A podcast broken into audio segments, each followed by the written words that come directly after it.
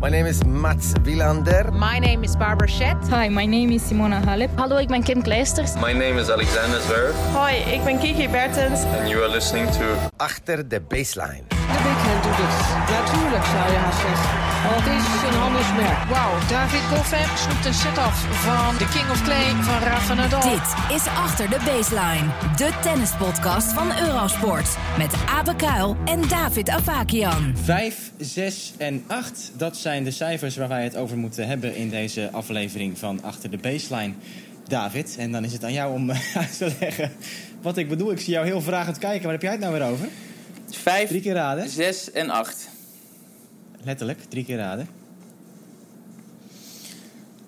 Ja, Hij is nu eh, flink door zijn notities aan het eh, 5, kijken met zijn 6 ogen, zie en ik. 8. Maar Ja, ik heb, een, 5, 6 en 8. ja, ik, heb een, ik heb andere cijfers staan. Oké. nou ja, als je denkt aan eh, de nummers 1, 2 en 3, misschien dat het dan... eh, Oh, het aantal games dat ze hebben verloren. Ja, ja. Ja, het was weer eenrichtingsverkeer hè, bij, de, bij de grote drie. Eh, en ja, jij hebt de eerder al aangekaart in eerdere afleveringen. Waar ligt dat dan aan? Hè? De aansluiting ontbreekt. Nou, vandaag eh, Manic Monday was, eh, was illustratief voor ja, jouw, jouw observatie. En grappig genoeg is het ook vandaag gevraagd aan alle drie. Nadal heb ik het niet over gehoord, maar Federer en Nadal die werden met letterlijk jouw vraag geconfronteerd van waarom is er in hemelsnaam geen tegenstand voor jullie? Jullie worden al alsmaar ouder. En ze weten het niet. Nee, kijk, wij weten ook, wij, wij zien deze interviews, die transcripts, of jij bent er soms bij, of ik ben soms bij, of wat dan ook. En die vragen komen natuurlijk regelmatig terug, want deze gasten staan inmiddels al 15 jaar aan de top zo'n beetje met, met, eh, met z'n drieën. En goed, eh, in enige periode is Andy Murray er ook een, eh, een vrij serieus onderdeel van geweest natuurlijk nog, was het de term de Big Four. Maar ja, die vraag die komt dus vaak terug en dit is natuurlijk vrij triest enerzijds. Nou we hebben heel de discussie al gevoerd dat, dat anno 2019 inmiddels eh, alle drie die spelers flink de 30 gepasseerd. Zeker Roger Federer natuurlijk. En het gat lijkt nu haast wel groter dan ooit te zijn, nu op Wimbledon. Hè, we hebben natuurlijk al die, die, die boekmakers eh, besproken eerder dit toernooi. Toen, toen Felix Auger-Aliassime nog in zat en als vierde kanshebber al werd ingeschaald. Achter Federer, Djokovic en Nadal is er momenteel zo'n groot gat. Want de rest is eh, of geblesseerd, of nog niet goed genoeg, of te jong, of te onervaren. En zo zijn er nog tien redenen. Nou ja, we Ja, zien het dus ook nou. nu uitkomen. Zij gaan volledig op cruise control door het toernooi heen. We hebben natuurlijk de kraker Nadal Kyrgios gehad. Dat was de enige uitzondering. Maar vandaag Federer verliest vijf games tegen Matteo Berrettini. Nadal verliest zes games tegen João Sousa. Djokovic verliest acht games tegen Hugo Humbert. Hugo Ja. Humbert, Ja. jonge Fransman. Ja, elke keer als je die naam leest, dan wil je Hugo zeggen en, Hu- en Humbert, maar dat is dan helemaal andersom juist. Ehm, nee, maar Federer die kwam misschien het dichtst bij een antwoord. Althans, eh, hij zei misschien ligt het hier aan. Eh, hij zegt, weet je, wij doen dit al zo, zo lang en we zijn alle drie ontzettend toegewijd. En we hebben alles al honderd keer gezien. Als wij op centercourt staan, niks verrast ons meer. Ehm, en ja, dat, ze hebben nul aanpassingsmomenten. En gewoon het feit, dat is misschien wel het belangrijkste onderdeel van het antwoord. Het feit dat ze zo toegewijd zijn en niet rustig aandoen af en toe. En dus eigenlijk nooit verslappen. Op geen enkel moment verslappen in die 15 jaar die jij net zegt. Ja, dat is misschien ongeëvenaard en is nooit gebeurd met grote legendes uit het verleden. Ja, en wat Federer ook zei, dat ging over het, het gevoel van als een tweede week van een Grand Slam toernooi begint. En zeker op Wimbledon, je, je voelt toch eh, de, de omstandigheden heb je een beetje onder controle als, als ervaren speler zijn. Je weet dat je nu een beetje kan doorschakelen ook. Je kan, wat Federer zei, met meer vertrouwen dichter op de lijnen gaan spelen. Dus je kan het spel wat meer naar je toe trekken. En dat zijn van die kleine nuances die dan door gaan werken. En waarin zij dus in feite in een enorme memory bank natuurlijk eh, kunnen putten. En dat helpt hen alleen maar om ehm, ja, nog dominanter te zijn in deze fase van het toernooi. Hè. Dat zijn natuurlijk ook een paar spelers waar ze tegen gespeeld hebben vandaag. Berrettini en Humbert. Ja, die zijn echt nog helemaal nieuw. Je zag Berrettini, die stond vanaf het begin stijf van de spanning. Die was alleen maar aan het forceren. Die wilde veel te veel doen. Eh, de benen werkten niet mee. Ja, en dat, die wedstrijd werd één groot cadeau natuurlijk eh, voor Roger Federer. Nadal tegen Sosa, dat hadden we wel een beetje zien aankomen... dat dat een complete mismatch zou zijn. Nou ja, en Hugo Humbert, ja, dat, dat was ook gewoon eh, een, speler die nog lang natuurlijk niet op het niveau is van een, eh, een Novak Djokovic. Dat is echt nog iemand die nog vrij onbewezen is van de jonge generatie. Nee, nou ja, goed, ik heb daar verder niks aan toe te voegen. Over Federer, wat je zei, klopt, weet je. Die, die eh, Berrettini stond inderdaad stijf van de zenuwen, miste een paar bal- ballen, ballen compleet ook. En eh, ja, het zag er af en toe ontzettend knullig uit. Terwijl wij op papier hadden verwacht, dit wordt misschien wel de interessantste hè, van, het, eh, van het stel. Uh, maar ja, misschien blijkt toch een eerste kennismaking met Federer op centercourt Wimbledon dan toch niet de ideale gelegenheid. Ik heb begrepen dat een bekende, ervaren Italiaanse journalist... die altijd voor kleurrijke momenten zorgt in uh, de persconferentie... zich vandaag een beetje belachelijk heeft gemaakt, uh, David. Wat is daar precies gebeurd? Nou ja, goed, dat is Ubaldo. Uh, wie kent hem niet bijna?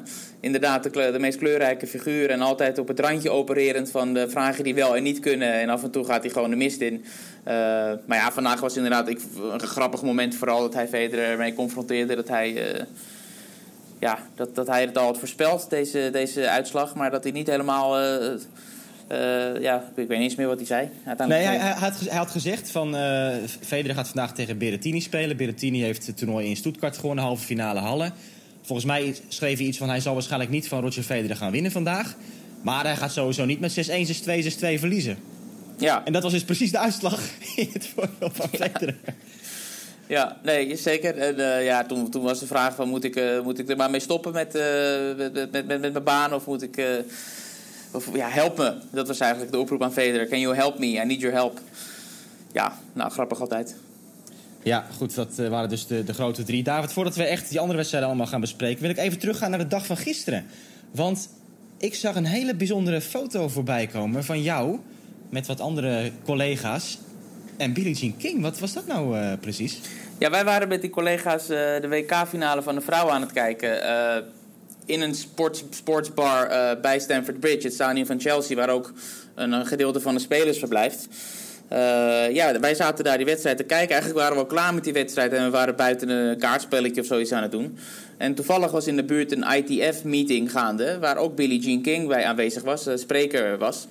En ja, zij zag ons zitten en zij heeft een hele goede band vooral met een aantal van collega's van mij. En die herkenden elkaar van afstand. En ja, wij gingen niet naar haar toe, maar zij kwam naar ons toe. Dus dat was nog, nog bijzonderder. Dus dat was hartstikke leuk, dat moment. En uh, er werd een beetje die, die, die finale werd, uh, werd nabesproken. Want de Verenigde Staten speelden natuurlijk uh, tegen Nederland. Uh, zo was hartstikke leuk. En toen, ja, dat fotomoment was, was ook hartstikke leuk. Zeker ook met de oranje elementen hè, op de foto. Want ik, ik had wat spullen meegenomen uit Nederland. omdat een van mijn collega's ontzettend fan is van vrouwenvoetbal. En zeker ook van Nederland. Dus dat het allemaal samenkwam op die foto was, was hartstikke leuk. Ja, die foto is voor de goede orde ook uh, te bekijken op ons Twitter-account, @adbpodcast. Sowieso leuk als u uh, dat account ook even kan volgen. Um, dat ik kan nog één ding eraan toevoegen ja? trouwens. Op diezelfde locatie zag ik gisteravond uh, Matteo Berrettini bijvoorbeeld een uur lang buiten gewoon rondjes lopen met zijn koptelefoon op. alsof hij zich aan het concentreren was voor ja, de afslachting van vandaag is het helaas uh, gebleken. En hetzelfde geldt voor Guido Pella, waar we later misschien uh, op terugkomen. Die, die liep daar in zijn eentje werkelijk uh, rond. En het is hartstikke leuk om te zien hoe die spelers zich een avond voor, zo'n, voor hun grote wedstrijd zich voorbereiden. Ja, laten we dan maar doorgaan met de andere wedstrijden uit het mannen-enkelspeltoernooi. Het was weer een bijzondere dag voor Guido Pella. Daar kunnen we gelijk op doorgaan, David. Want hij is de finalistenkiller hè, hier op Wimbledon. Zeker, ja. We hadden eerder al gezien hoe hij uh, Cilic uitschakelde. Hoe hij uh, Anderson uh, heeft uitgeschakeld dit jaar. en inderdaad vandaag ook uitgeschakeld. Milos Raonic, de finalist van 2016. Met 8-6 in de vijfde set. Ja, dus de laatste twee jaar heeft hij de drie finalisten van de laatste drie jaar verslagen. Milos ja. Raonic, Marin Cilic en, en gaat zijn eerste kwartfinale spelen hè, op Grand Slam niveau. Ja, en dat notabene op gras. Dat is een, een, een grote verrassing natuurlijk, Guido Pella. Hij gaat uitkomen tegen Roberto Bautista Agut. Die wist te winnen van Benoit Per. Nou, en dan weten we nu ook al zeker dat er sowieso een nieuwe halve finalist komt op Grand Slam niveau. Of Bautista Agut, ja. of Guido Pella. En daar uh, zullen wel een paar rallies in komen in die wedstrijd, denk ik. Absoluut, ja. Uh, uh, Bautista Agut rekenen af met Per. Dus 9-0 nu in onderlinge ontmoetingen. Dus dat was van tevoren al niet zo heel erg spectaculair qua spanning te verwachten. Bleek het ook niet, drie sets. Bautista Agut en uh, Pella dus allebei voor het eerst, hè, ook in een kwartfinale op Wimbledon. Dus ja, interessant. Ik kan het niet voorspellen. Nee, ik, ik vind het wel mooi als Bautista Agut een keer een halve finale haalt van een Grand Slam toernooi. Want hij is toch natuurlijk al een paar jaar ja, de, de man in de schaduw. Iemand die, die, die vrij vast tussen de 10 en 20 een beetje bivakkeert op de ranking. Ja. Die echt altijd wel een betrouwbaar niveau haalt. Altijd ja, we hebben het vaak over Nadal natuurlijk, over zijn, zijn focus in wedstrijden. En dat hij elk punt maximaal kan spelen, vol concentratie. Nou, Bautista Agut is een van de weinigen die dat ook gewoon heeft. Die letterlijk altijd met dezelfde gezichtsuitdrukking op de baan staat. Het is niet te geloven waar je hem ook ziet. Of het nou 35 graden is in Auckland... of een koude avond in, eh, in Hamburg... of een ATP 250 toernooi of een Grand Slam vierde ronde. Altijd, elk punt, dezelfde stoïcijnse blik. Je weet totaal niet wat er in zijn hoofd omgaat. Ik vind het waanzinnig hoor, als je dat, eh, dat altijd ziet bij hem. Nee, 100% En volgens mij heb ik het al in eerdere afleveringen ook gezegd. Dat, eh, ja, wat jij zegt.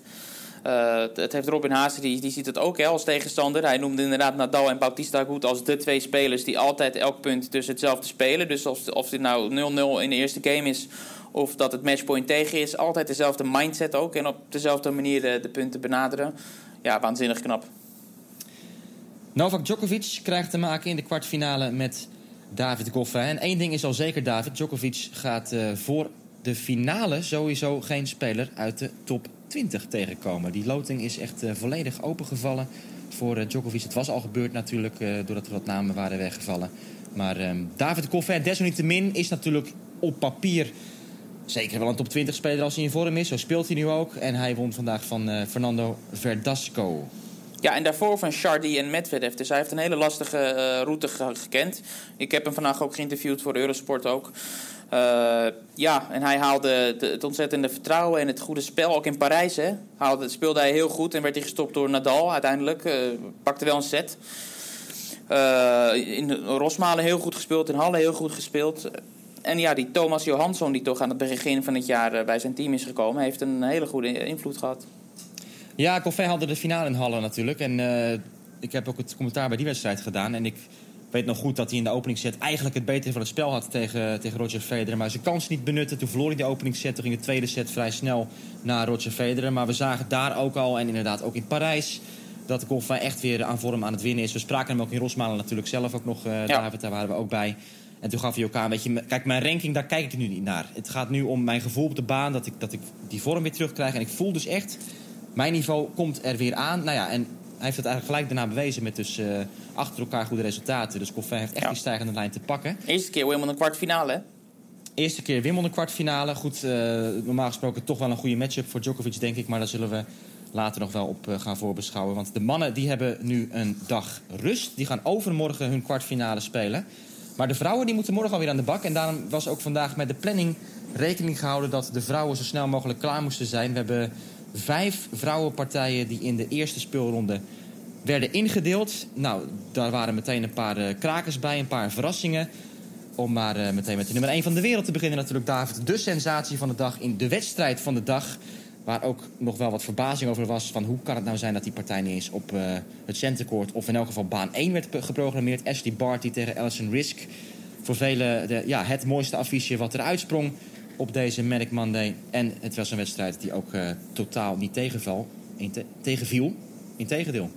Zeker. Eh, drie sets. En Alison Risk die, die verrast gewoon eh, Ashley Barty. En we hadden het in de vorige podcast erover... dat Barty moeite heeft om toch echt zo'n zo'n zo'n belangrijke zege op een speelster te boeken... om echt die nummer 1 positie eh, soort van te bevestigen. Nou, daar is hij niet eens aan toegekomen hier. Ja, Risk is, is gewoon een van de beste grasspeelsters die er is op de Tour. En eh, het meest bijzondere... Waarom is dat? Nou, de manier waarop ze speelt. Ze neemt alle ballen ontzettend snel. Op een hele aparte manier naast haar slaat ze die bal ook. Als je het ziet, dan ziet het er best wel vreemd uit eigenlijk. Retourneert ontzettend goed en speelt heel direct. Dus ja, goed, het, het is voor, op gras natuurlijk waar de bal relatief laag blijft, is het, eh, is het een gouden combinatie. En om het nog extremer te trekken bij Risk, eh, de statistiek die, die echt waanzinnig is. Ik kan me niet herinneren dat we het eerder hebben genoemd.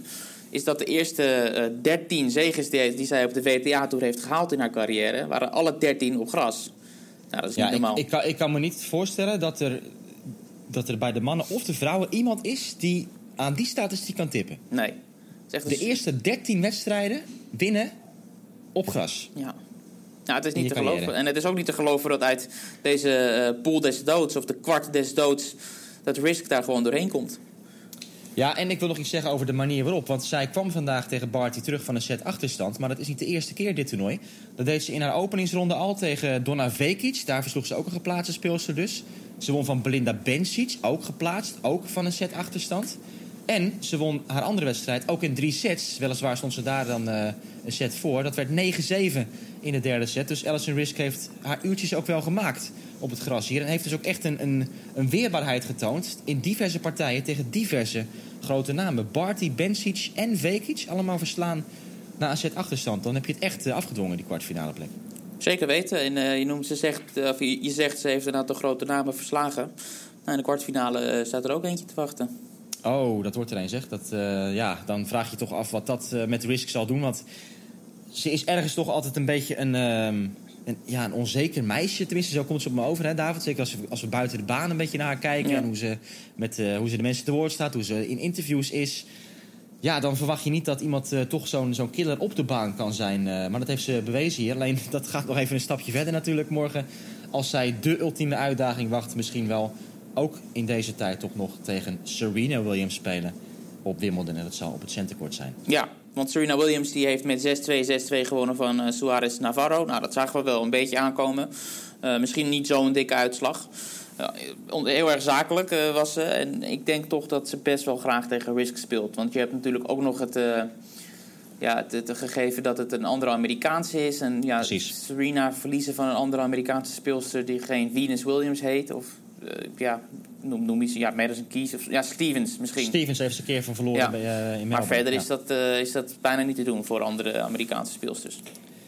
Nee, en we kunnen toch wel zeggen, hè, je hebt de term alweer genoemd, het kwart des doods, dat voor Serena die loting uiteindelijk vrij goed is uitgepakt. Want zij had ook vandaag tegen Angelique Kerber kunnen staan. Nou, die verloor in de tweede ronde. De Wimbledon-kampioen van vorig jaar, die natuurlijk van Serena won in de finale toen. Carla Suarez Navarro is eh, ja, echt een hele goede matchup voor Serena Williams. Haar derde ronde was lastig tegen Julia Gerges. Maar goed, ze had dus in principe Gerges, Kerber, Barty kunnen hebben. Ja, dat wordt nu alleen dus Gerges en vervolgens Suarez Navarro en Alison Risk. Bovendien, als we verder kijken aan de andere kant ehm, van het eh, speelschema van Serena Williams... dan heb ik het over het tweede kwart. Daar is natuurlijk Petra Kvitova ook weggevallen vandaag. Zij verloor van Johanna Konta in drie sets. En ik heb ook begrepen dat bij de meeste boekmakers... Serena Williams nu weer titelkandidaat nummer 1 is.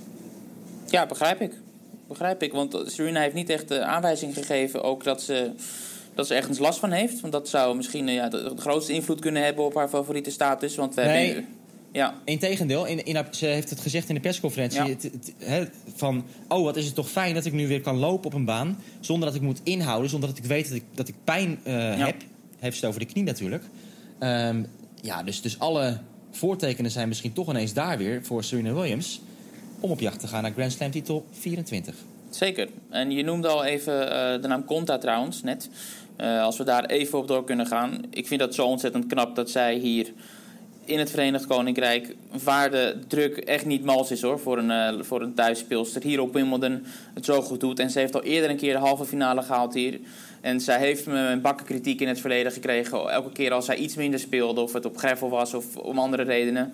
Eh, en daar gaat ze echt heel goed mee om. Ja, zij is ook zo. Ja, hoe, zeg, hoe moet ik dat zeggen? Zij, zij kan alles heel erg goed relativeren in de persconferentie. Want als het dan over die druk gaat van het spelen voor haar thuispubliek, dan, dan brengt ze altijd het gesprek een beetje op het feit van: ja, weet je, ehm, meer druk dan dat ik op mezelf kan leggen, bestaat er niet. Al de druk die ik voel, komt vanuit mezelf. Dus hè, als het ware zegt ze wat er in de buitenwacht gebeurt, wat men over mij zegt. Ja, daar heb ik helemaal niks mee. Dat Ja, doet mij helemaal niks. Maar zij heeft in het verleden wel echt stevige aanvaringen gehad met de Britse pers ook. Waarin ze huilend, eh, dat eindigde in tranen. Eh, dat Ja, is- omdat ze die opvattingen soms eh, niet helemaal deelde, volgens mij. Ja. ja, Ja, ze schiet heel snel in de verdediging ook. Dus dat, Ja. dat, die combinatie is niet ideaal. Maar nogmaals, ja, van, van Kvitova winnen op centercourt. En Kvitova ja, had misschien niet de allerbeste dag, maar speelde zeker ook niet slecht. Nee, maar, maar kijk, Kvitova, dat is natuurlijk... eh, zij heeft het als eerste steeds al aangegeven. Die kwam hier zonder enige verwachtingen. Een paar dagen voordat het toernooi begon... kon ze voor het eerst weer een racket eh, oppakken Ja. na een paar weken. Het was ook knap dat ze alles in straight sets eh, wist te winnen op weg naar de vierde ronde. Waaronder een zege op Kristina Mladenovic. Dus ja, dit is voor Kvitova geen enorme deceptie. Denk ik dat zij hier heeft verloren van, van Conta. Alleen, ehm, ja, goed, het zal even moeilijk zijn. Maar daar komt ze wel snel overheen, denk ik. Ja, dan moeten we het nu ook toch gaan hebben over de tegenstander van Conta in de, de volgende wedstrijd in de kwartfinale. Want na Bertens is ook Mertens onderuit gegaan tegen Barbora Stritsova. De veteranen die terugkwam van een 6-4-5-2 achterstand. Laten we dat niet vergeten. Mertens had die wedstrijd echt binnen handbereik. Uh, maar ja, het, lukte haar niet. Ook mede door wat, wat, uh, wat klachten, fysieke klachten. Ze werd een aantal keer behandeld. En ja, Strisova pakt die wedstrijd. Het ging mooi op haar knieën, hè, emotioneel aan het einde. En het is helemaal bijzonder, omdat zij misschien niet dat volgens mij echt uh, letterlijk heeft gezegd, maar wel een beetje heeft laten doorschemeren dat dit wel haar laatste jaar zou kunnen zijn op de Tour. Klopt. Ze heeft ook een boek uitgebracht, een uh, biografie, dus ja, altijd, alle tekenen die zijn daar. En dan, dan nu weer voor de tweede keer in haar carrière uh, kwartfinale Wimbledon te halen is, is, is wel heel bijzonder. Weet je wat ik nou zo raar vond aan die wedstrijd? Want wij hebben die uh, vanaf het begin uitgezonden op Eurosport. Dat was mijn partij ook om mee te beginnen vandaag. Je zag af en toe shots van haar coach, David Cotiza. Ja, viel me ook op. En die, die zat de hele tijd met een lach op zijn gezicht. Maar alle wedstrijden Als- is dat zo geweest. Ja, maar die, die zit langs de kant te kijken. En ik dacht, hij weet de uitslag al. Hij weet al dat zij gaat winnen. Oh, dat, dat is de indruk die jij kreeg. Want ik heb steeds naar, naar, die, naar zijn gezichtsuitdrukking gekeken. Eh, ja, ik, ik vond een beetje dat hij uitstraalde van wat gebeurt hier allemaal? Want, wat, wat is, Nee, ik- totaal niet. Niet? Nee, nou ja, goed, ik, ik zet natuurlijk niet altijd het beeld op hem. Maar elke keer als hij in beeld kwam bij ons eh, op, op Eurosport... zag je hem zitten met een big smile... alsof Stichova net het, het, het mooiste uit haar leven heeft, eh, heeft gedaan. En ook bij een 6-4-5-2 achterstand. En toen heb ik het ook letterlijk gezegd in de uitzending. Ik zeg van, ja... volgens mij uh, Cortisa, die denkt van... de- wat er ook gebeurt, we gaan die wedstrijd nog winnen, ook bij deze stand. En Warempel. dat gebeurt dus Nee. Nee, ik vond het heel komisch om, eh, om, om te zien hoe gewoon totaal relaxed en, en, en vrolijk hij langs die kant zat. En goed, we kennen natuurlijk van Streetsova al die gebaartjes die ze vaak heeft Ja, geweldig. Dat ze zich heel erg kan aanstellen en met Ja. haar hele lichaam allerlei eh, reacties heeft. En voor elke En zag je- en- schouder zo naar achter. En, en dan zag je vanaf eh, die shots van Streetsova die zich dan zo aanstelde, ging de camera hup, naar, street, naar Cortisa. En die zat er zo alsof hij aan het strand zat met een cocktail en denkt van het leven is goed hier. En eh, nou ja, het was echt een, een heel komisch eh, gezicht Ja, kortom. heeft iedereen gehad ook, hè? Strie, ook uh, Kortizak. Van al die Tsjechische spelers en speelsters heeft bijna iedereen ook Ja. gekozen. En natuurlijk met Kvitova die grote successen allemaal gevierd in Ja. het eh, verleden. Maar goed, eh, voor Mertens is het natuurlijk wel een, een eh, enorme deceptie. Ja. Want die heeft ehm, vorig jaar de halve finale van de Australian Open gehaald. Daarna is het toch allemaal een beetje gestagneerd. Ze heeft eh, dit jaar Doha gewonnen, wat wel een mooi resultaat was. Maar in de Grand Slams is het niet echt meer zo spectaculair geweest. En hier had ze dan een kwartfinale voor het grijpen. Nou ja, als je dan 6-4-5-2 voor staat... dat zal nog wel even een paar keer in het hoofd eh, terugkomen... de komende dagen van eh, Elise Mertens, denk ik. Die trouwens ook een beetje heeft geworsteld hoor, met de coaching en zo. Een paar keer gewisseld. Ja. De, de relatie met haar vriend was uit. Die was ook tevens haar coach. Nou, dat is weer goed gekomen. Zowel privé als, als zakelijk dan maar, maar zo te zeggen. Dus die zijn weer samen in beide opzichten. Maar ehm, goed, Slitsjova dus in de kwartfinale tegen Conta. Met ook Risk tegen Williams. En dan hebben we het over de bovenste speelhelft gehad. Maar dan hebben we nog al die partijen te gaan onderin, David. En dan moeten we toch een beetje vaart gaan Ja. maken. Want er is natuurlijk iets heel eh, bijzonders gebeurd met ehm, Karolina Pliskova. Dat was ehm, de Carolina-strijd, de Tsjechische Carolina-strijd. En het was Carolina Mugova, zo moeten we dat uitspreken. Die heeft gewonnen. Ja, En hoe? Ja, op spectaculaire wijze. Eh, toevallig eh, pakte ik het einde van die wedstrijd mee. eh, samen met eh, Mats Wielander, die naast me stond. Omdat zowel hij als ik een interview moesten doen. En althans, hij moest gaan praten over die wedstrijd. En ik had, ik geloof, Jean-Julien Royer die op mij stond te wachten. Dus dat was leuk om te zien. En Wielander die voorspelde precies wat er gebeurde allemaal. Dat was nog echt bizar. Ja, 12-12 was het bijna geworden in de derde set. Maar uiteindelijk wint Mugova met 13-11. Dus we hebben dat nieuwe format niet eh, voor het eerst kunnen meemaken. Ja, de, mijn grote favoriet is eh, eruit. Nou, en zij mocht ehm, twee keer volgens mij voor de wedstrijd serveren. Sowieso Ja. één keer. Ehm, dat heb ik gezien aan het eind ook. En nou ja, dat was echt ongelooflijk. Want zij, eh, zij brak toen naar 11-10, eh, dacht ik, hè, Pliskova. En mocht ze serveren volgens mij. Of 10-9. In ieder geval in, een van die, volgens mij 11-10. En toen ging ze serveren en toen speelde ze echt, echt zo'n beroerde game... eh, dat ze het eh, totaal uit handen liet glippen. Want dat was echt de inzinking van de, van de partij. Althans, wat ik ervan heb gezien. Ook eh, halverwege die derde set pas ingeschakeld. En ehm, ik vond het verder wel een, een goede wedstrijd hoor. En die, en die Mugova ook gewoon Is goed, hè? echt goed en ook mentaal sterk. En gevarieerd tennis. Ja. Een leuk spelletje ook natuurlijk op gras in dat opzicht. Dat ze en die slides kan gebruiken. En soms een beetje inkomen. En nou ja, ze kan eigenlijk alles wel, wel aardig. Ja. Dat, dat was echt een afgedwongen zegen van, eh van Mugova. Ja, ja en eh, de deceptie voor Pliskova natuurlijk. Die, die, ja, iedereen leek haar een beetje als gedoodverfde favoriete neer te zetten voor de titel hier. Maar weer lukt het haar niet. Nog steeds geen kwartfinale voor Pliskova Wimbledon ook hierdoor. Nee, nee, Ook eh, zeer opmerkelijk. absoluut. Maar goed, de Tsjechen hebben dus toch nog wel een troef in handen. Het is weer een nieuwe naam die doorbreekt, kunnen we zeggen. Deze Mugova is al wel iets ouder, die is 23 jaar. Het is geen verhaal als een uh, van Drozheva bijvoorbeeld... die de, natuurlijk op Roland Grosso wist door te breken als tiener nog. Maar um, Mugova komt uit in de kwartfinale tegen op papier een grote naam... maar in de praktijk toch ook wel een beetje een verrassing. Want Elina Svitolina zagen we toch niet helemaal aankomen... dat hij de kwartfinale zou halen. Kim Kleisters die was misschien iets te vroeg op Roland Garros, hè, David? Met die, uh, nou, ja, weet je, volgens mij was Svitolina op zich naar Roland Garros wel weer gewoon op de been. Uh, en ja, we hebben nu een aantal keer gezegd dat zij op Grand Slams niet echt uh, een, een, factor is. Maar ja, dit is toch voor de vijfde keer dat ze een kwartfinale haalt op Grand Slam niveau. Ja, maar ja, ze is dat... nooit verder gekomen. Ze is nummer drie van nee. de wereld geweest, heeft de WTA-finals ja. gewonnen. Nou ja, maar het dus is dat, zo dat dramatisch is, toch, uh... is het nu ook weer niet. In het huidige tijdperk waarin er zoveel verschillende speelsters zoveel grote dingen kunnen doen. Nou ja, goed. Ik, ik vind het toch wel, maar als je gewoon de rest van haar carrière bekijkt, als je ziet de grote titels die ze al heeft gewonnen, ook op WTA-niveau, gewoon echt van die, van die Premier 5 toernooien, een paar keer Dubai gewonnen, uh, schiet meer te binnen. Uh, Rome ja. natuurlijk twee keer gewonnen, ook op rij. Dan heb je het echt over de meest aansprekende gravel toernooi, of uh, de meest aansprekende toernooi op de Tour zo'n beetje ook. Ja, maar zo oud is zij niet.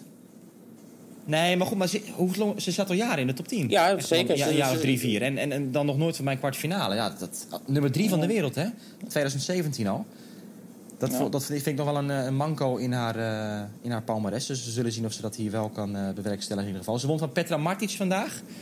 En zij is dus uh, ja, nu echt een grote favoriete om daar door te gaan tegen die Mugova. En dat is dan de kwartfinale in het derde kwart van het speelschema. Onderin was het vandaag einde oefening voor de toernooisensatie, de 15-jarige Corey Goff. Ja, want die liep tegen Simona Halep aan. En ja, het was een beetje een, een volwassene tegen een kind. Hè? Was de indruk die ik kreeg, echt een maatje te groot. En Goff die had natuurlijk ontzettend mooie resultaten neergezet. Van speelsters gewonnen die sterk zijn. Maar ja, toch niet zo stabiel en zo ja, een echte wereldtopper op dit moment, zoals Simone Halep dat is. Dus eigenlijk gebeurde er wel een beetje wat ik in ieder geval verwachtte. Ja, eens. Ja, je, je zag de, de volwassenheid van Halep die de doorslag gaf. Maar ik heb wel begrepen dat Goff wat ziekjes was, hè? Ja. Daar heeft ze volgens ja. mij in de afloop iets over gezegd. Ook. Ja, ze werd ook uh, op de baan, kwam de dokter en een pilletje. En dat uh, allemaal gebeurde inderdaad. Ja, maar ja, goed, laten we... Het, het, waar ze is gekomen nu, tot, tot de vierde ronde, is natuurlijk al sensationeel. Nou ja, mooi eindstation, denk ik. Ja. En Simona Halep die gaat dan in de kwartfinales uitkomen tegen Zhang Shuai uit China. Die heeft ooit een kwartfinale gehaald bij de Australian Open. En doet het nu weer op Wimbledon. En zij is uh, behoorlijk uit het niets gekomen, hè, David? Absoluut. Heb jij nog een traantje weg moeten pinken, trouwens? ik heb het overleefd. Je hebt het overleefd, ja. Want Diana Jastremska was het slachtoffer uh, natuurlijk. 6-4, 1-6, 6-2. Zeker uit het niks. En je noemt de Australian Open trouwens. Uh, we vergeten bijna dat, dat, dat Zhang voor hetzelfde geld helemaal niet meer op de baan had gestaan. Omdat ze daar een aantal jaar geleden... Uh, nou, kaap je mijn verhaal weg. Maar oh, door. nee, aan jou, nee, aan jou de eer. Nou, maar jij weet het thuis misschien beter. Want dit was een, ik weet niet meer welk jaar het was. Dat jaar dat ze de kwartfinale haalde. Um, voor het toernooi had ze een soort van zich voorgenomen dat het haar laatste toernooi zou zijn. Als het, uh, omdat het maar niet lukte voor haar. En toen haalde ze dus plots via een aantal prachtige zegens die kwartfinale. En heeft ze toch maar, uh, is ze ermee doorgegaan. Nou ja, het bizarre was dus, dat was 2016. En zij stond buiten de top 100. En het wilde inderdaad allemaal maar niet lukken met die doorbraak. En ze had volgens mij ook wel wat fysieke problemen af en toe. Maar mentaal was het vooral gewoon op bij Zhang Shuai. Zij ging naar Australië toe en ze had voor de eerste keer in haar carrière toen ook haar ouders laten overkomen. Die hadden eigenlijk nooit een idee waar ze nou mee bezig was met die tennissport, wat het allemaal inhield. Toen zei ze, nou weet je, dit wordt waarschijnlijk mijn laatste toernooi. Dan vind ik het uh, toch wel mooi als jullie in ieder geval één keer mij ook daadwerkelijk hebben zien spelen als prof. Um, bij zo'n groot toernooi als de Australian Open. Zhang ging daar naar de kwalificaties. Zij kwam die kwalificaties door met een zege 8-6 derde set op uh, Virginie Razzano. En toen de loting. Eerste ronde. De afscheidswedstrijd van Zhang Shuai. Wellicht in haar carrière. Mooier kon je het bijna niet bedenken. Want tegenstander was nummer 2 van de wereld. Simona Halep. Drie jaar terug dus bij de Australian Open. Maar wat gebeurde er? Nee hoor. Helemaal geen afscheidswedstrijd. De qualifier Zhang, die bijna in die kwalificaties was gestrand... Die wint daar gewoon van Simone Halep met 6-4, 6-3. Wint vervolgens dus de tweede ronde, de derde ronde. Ze verslaat Madison Keys in de vierde ronde. En bereikt daar die kwartfinale. Ja, en dat was dus het moment waarop ze dacht... oké, ik kan het toch, ik hoef nog niet te stoppen. Ik ga het proberen alsnog als uh, tennisprof. Het is echt gewoon een Hollywood-script... dat uh, natuurlijk is uitgekomen voor, uh, voor Zhang Shuai. En ehm, nu zijn we 3,5 jaar verder en staat ze in de kwartfinale op Wimbledon... tegen Simona Halep kan ze misschien een nieuwe primeur bereiken in haar loopbaan. Als ze wint, dan zou ze voor het eerst een halve finale halen van een Grand Slam toernooi. Dus het is uh, compleet een uh, feel-good story natuurlijk over uh, Zhang Shuai. Daarom dat ik niet echt een traantje hoef laten, David, vandaag voor Jastremska. het was bijna een mooi traantje voor Zhang, want dit vind ik ook mooi om te zien dat zij dat ehm, dus toch kan bereiken. Dat is morgen die kwartfinale uiteraard al, want dan zijn die kwartfinales allemaal bij de vrouwen. Is er een wedstrijd waar jij het meest naar uitkijkt morgen van al die partijen? David, uh, twee partijen zijn er op het centercourt en twee op court one. Ik vind, ja, ik, ik vind ze al, alle wedstrijden vind ik eigenlijk best interessant. Uh, Serena Williams is interessant om te zien of ze Risk, die, die zo, zo in vorm is, uh, ja, weer de baas kan zijn. Op, zoals Serena Williams dat kan. ja, Conta, Stritsova, het is een prachtig contrast ook. En ja, goed, zo kan ik wel doorgaan. Ik bedoel, alle wedstrijden zijn interessant. Het is natuurlijk wel... Um grappig om te zien dat je in alle vier de kwartfinales een geplaatste speelster tegen een ongeplaatste speelster hebt. Dus de kans bestaat ook dat we een uh, hele bizarre halve finale line-up krijgen. Stel dat uh, Risk, Strichova, Zhang en uh, Mugova doorgaan. Ja, dan wordt het weer een beetje een, een line-up in de lijn van Roland Garros. Waar we natuurlijk ook een beetje plots die, die finale zomaar hadden die we niet zagen aankomen. Andy Murray gaat natuurlijk nog spelen met Serena Williams ook in het mixed dubbel. Dat staat ook weer op het centercourt gepland. Maar ja, elke wedstrijd, ik ben het met je eens, is, uh, is gewoon interessant omdat het een, een matchup oplevert die we nog niet zo vaak hebben meegemaakt. Het zijn uh, open wedstrijden, denk ik, over het algemeen. Hoewel ik Serena Williams wel echt als een duidelijke favoriet uh, zie tegen Allison Risk. Ja, en dan zijn we, ik, denk ik, rond. Nou, ik, ik wilde eigenlijk nog een, een, een uitsmijtertje doen. Al zijn we over de tijd heen, zie ik, van de producer. Maar toch. Ik Onze heb... producer houdt van uitsmijters. Kom ja, uh, want wij krijgen uh, elke dag of om de paar dagen krijgen wij uh, netjes een lijst toegestuurd van de organisatie waarin de boetes zijn opgenomen. De boetes die zijn uitgedeeld aan de spelers hier op Wimbledon voor ja, misdragingen. En daar zag ik zowaar vandaag Serena Williams op verschijnen met 10.000. En wat bleek nu, ja, en nog opmerkelijker, het feit dat zij die boete heeft gekregen voor iets wat zij gedaan heeft voordat het toernooi überhaupt begonnen was zondag ja, voor maar het dat was ook echt schandalig gedrag, heb ik begrepen, toch? Nou, ik, weet jij al wat het is? Want uh, toen ik hier naartoe liep was het nog uh, onduidelijk. Maar schijnt het zo geweest te zijn dat zij een baan had beschadigd. Ik dacht dat ze met een racket had gegooid of zo. Dat dat het verhaal was. Dus mijn opmerking was ook sarcastisch bedoeld. Dat het in feite nee, ja, goed, vrij is... onschuldig was volgens mij. Maar ik weet het ook niet zeker. Ik, weet, ik ook niet. Dus, uh, komen. We, we, zien die boete staan, maar we weten nog niet precies waar het voor gegeven is. ja, andere opmerkelijke boetes. Ook 10.000 euro voor Sabalenka. Die, uh, die is inmiddels al uit het toernooi, maar die schijnt een bal uh, bijna tegen iemands hoofd geslagen te hebben. Uh, Bernard Tomic, waar we het over gehad hebben eerder, die heeft ja, dat hele prijzengeld eerste ronde is ingetrokken. Dus er staat boete 58.000 pond. dat was lekker. Fonini, waar we het over gehad hebben, over die opmerkelijke uitspraak van hem dat er maar een bom moet ontploffen op Wimbledon. Die heeft een boete gekregen van slechts 3000 euro voor onsportief gedrag. Wat opmerkelijk is, omdat Fornini natuurlijk eigenlijk nog in een soort voorwaardelijke strafperiode zit. Omdat hij een aantal jaar geleden uh, uh, ja, op, op de US Open een, ja, een, een waanzinnige... Uit... wat eens? Ja, hij, hij noemde een, een umpire daar... Uh, ja, Onzedelijk? Onzedelijk, laten we het daarop houden. En dus hij heeft nog een voorwaardelijke uh, ja, soort proefperiode gaande. Waarin hij, als hij weer over de schreef gaat, misschien geschorst of gedisqualificeerd kan worden. Want toen werd hij ook gedisqualificeerd, overigens. Uh, maar ja, dat is ook onduidelijk wat daarmee gebeurd is. Dus ja, zo is het toch wel leuk om te zien uh, af en toe wat voor namen daarop verschijnen.